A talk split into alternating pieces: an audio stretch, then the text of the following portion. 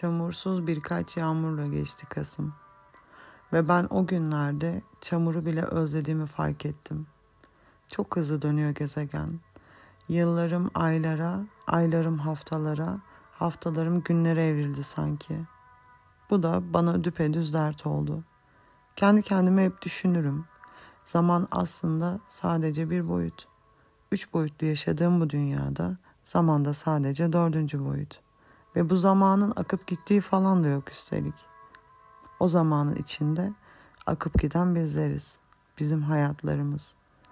Bu yüzdendir ki bazen bir saat geçmek bilmezken bazen bir yıl çok kısa gelir insana. Sabit olan zamanın içinde hepimizin her anı dolduran dansı farklıdır çünkü. Bu yüzden bu konuyla ilgili algılarımız da hem kişiden kişiye hem de kendi içimizde farklılık gösterir. Zaman kavramı üzerine düşünmek ya da bunu dert etmek için aslında genç sayılabilecek bir yaştayım.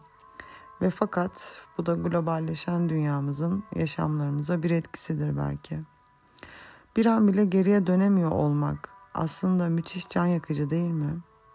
Çağlar boyu insanlar dünyadan kopmamak için ya da bilinmeyenden korktukları için ölümsüzlüğü bulmaya ya da başka bir deyişle zamana hükmetmeye, onu kontrol altına almaya çalışmışlar. Bunu başaramayınca da saatler, takvimler ortaya çıkmış. Takvim ya da saat dediğimiz şey aslında zamanın neresinde olduğumuzu gösterdiğini düşündüğümüz bir şey. Ki biraz uydurmasyon. Peki ya ölümsüz olsaydık? Zamanı, zamanın neresinde olduğumuzu bu kadar umursar mıydık? Ölümsüzlüğü arayan birkaç kişiyi burada anmadan geçmek biraz ayıp olur sanıyorum. Çin'i birleştiren ilk imparator olan Qin Huang, simyacılardan etkilenerek ölümsüzlük arayışına girer. Bu nedenle ölümsüzlüğü sağlayan iksiri bulmaları için emirler verir. Eski kralların 10 bin yıl kadar yaşadığını ve bunu civa ve sülfür içerek yaptıklarını düşünen imparator içkilerine bunları katmaya başlar ve günden güne kötüleşen imparator en sonunda zehirlenerek ölür. Tuhaf değil mi? Ölümsüzlüğü ararken ölümü bulmuş aslında. Yine bu anlamda Gılgamış'ı da unutmamak lazım. Türlü maceralar yaşayan Gılgamış, can dostu Enkudu ölünce kederden deliye döner. Bir süre sonra arkadaşının ölümü kendisinin de ölümlü olduğu gerçeğini yüzüne vurur. İnsanlığın en güçlü duygusu korku Gılgamış'ı iyice sarar ve ölümsüzlüğü aramaya başlar. Utnapiştim ölümsüzlüğün sırrını bilen bir bilgedir. Utnapiştim'i bulan Gılgamış, onun verdiği ölümsüzlük otuyla gençliğine yeniden dönecek ve ölümsüzlüğe kavuşacaktır. Ama destanın insanlar açısından en üzücü bölümü burada başlar. Çünkü Gılgamış ölümsüzlük otunu yemeye fırsat bulamadan onu bir yılana kaptırır ve Uruk'a eli boş döner. Destan Gılgamış'ın ölüm karşısında acı yenilgisiyle biter. Ve tabii çok sevdiğim, benim için derin bir anlamı olan Sisyphos. İlk çağın efsane kişileri arasında zamanımızın yazar ve düşünürlerin de en çok ilgilendiği karakterlerden biridir Sisyphos. Prometheus gibi insanları tanrılara karşı tuttuğundan, Odysseus gibi insan aklı ve kurnazlığıyla tanrılara bile üstün olduğundan Sisyphos tanrılara karşı suç işlemiştir. Ölmemek için Hades'i kandırarak ölüler ülkesinden kaçmasıyla bilinir. Onlarla boy ölçüşmeye giriştiği için de ölüler ülkesinde korkunç bir cezaya çarptırılır. Adına Odesya'da rastlanır. Sisyphus'u gördüm. Korkunç işkenceler çekerken. Yakalamış iki avucuyla kocaman bir kayayı ve kollarıyla, bacaklarıyla dayanmıştı kayaya. Habire itiyordu onu tepeye doğru. İşte kaya tepeye vardı, varacak. İşte tamam ama tepeye varmasına tam bir parmak kala bir güç itiyordu onu tepeden gerisin geri. Aşağıya kadar yuvarlanıyordu yeniden baş belası kaya. O da yeniden itiyordu kayayı tekmil kaslarını gere gere. Kopan toz toprak habire aşarken başının üstünden o da habire itiyordu kayayı kanter içinde. Çağımız Fransız yazarlarından Albert Camus, Sisyphos'u anlamsızlığın bir simgesi olarak tanımlıyor. Yaptığı iş anlamsız ve yararsızdır ama bu işi sonsuza dek yapmakla yükümlüdür Sisyphos. Bu kısır döngüyü her gün yaşamaktadır. Korkunç olan bir işkencenin bir gün biteceğini bile umamaz. Umutsuz bir kahramandır bu yönüyle. Kamu insan yaşamı anlamsızlık içinde de olsa insan onurunun dış etkenlerin anlamsızlığına ve koşulların kaçınılmaz baskısına karşı işte o zorunlu olan yükü bile bile taşımak olduğunu belirtir. Bizim yaptığımızda budur belki de.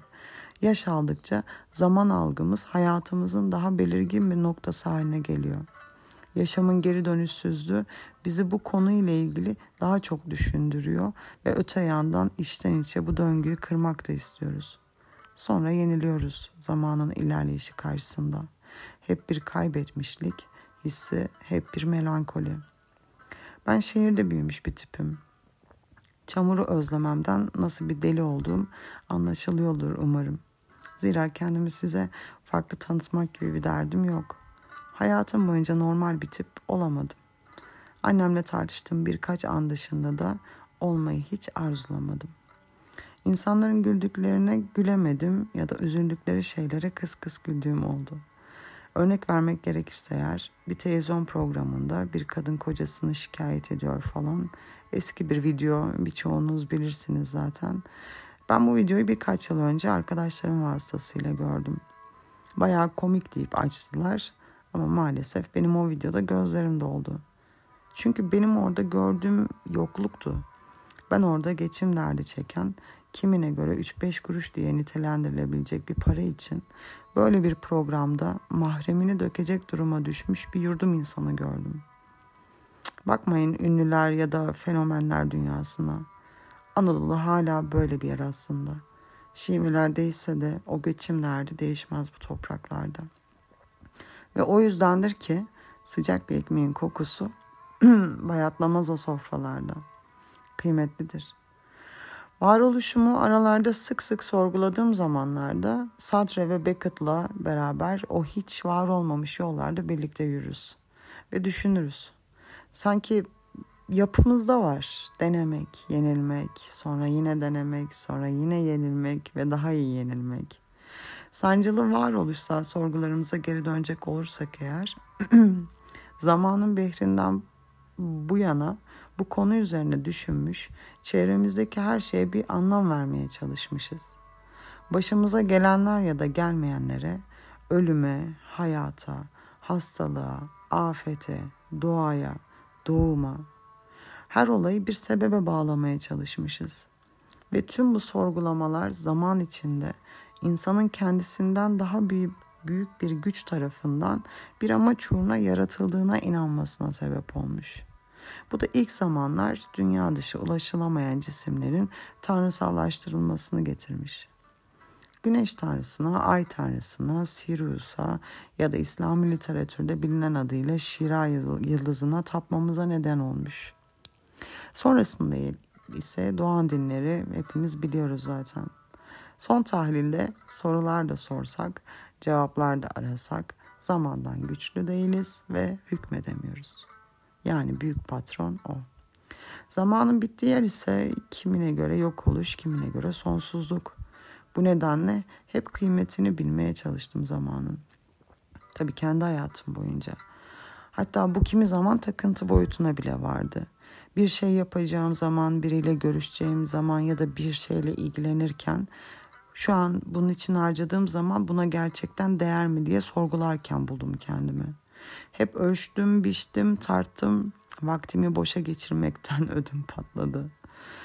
Ve sonunda tüm bu işin sonu temizlik yaparken bile belgesel ya da bilgisel dinlemeye vardı. Belki de yeni nesil şarkıları pek beni sarmamıştır. O da olabilir. Şarkı demişken aslında Teoman da bu konuyu e, müthiş bir soruyla somutlaş, somutlaştırıp koymuş önümüze yıllar önce. Diyor ki nasıl oluyor vakit bir türlü geçmezken yıllar hayatlar geçiyor. Hakikaten nasıl oluyor bu? Daha dün gibi evimizin bahçesinde komşu çocuklarıyla oynadığım oyunlar, çıktığım düştüğüm ağaçlar, ağaçlarının meyvelerini paylaşmak isteyen gıcık komşu kadınları. Her şey ne ara dün oldu? Her şey ne ara bu kadar geride kaldı? Oysa o kadar büyüdüm ki şimdi. Hayatım da zaten bir roller coaster'a döndü. Hızına yetişmek ne mümkün? Bazen geçmişin, bazen geleceğin, bazen anın bile farkına varamıyorum.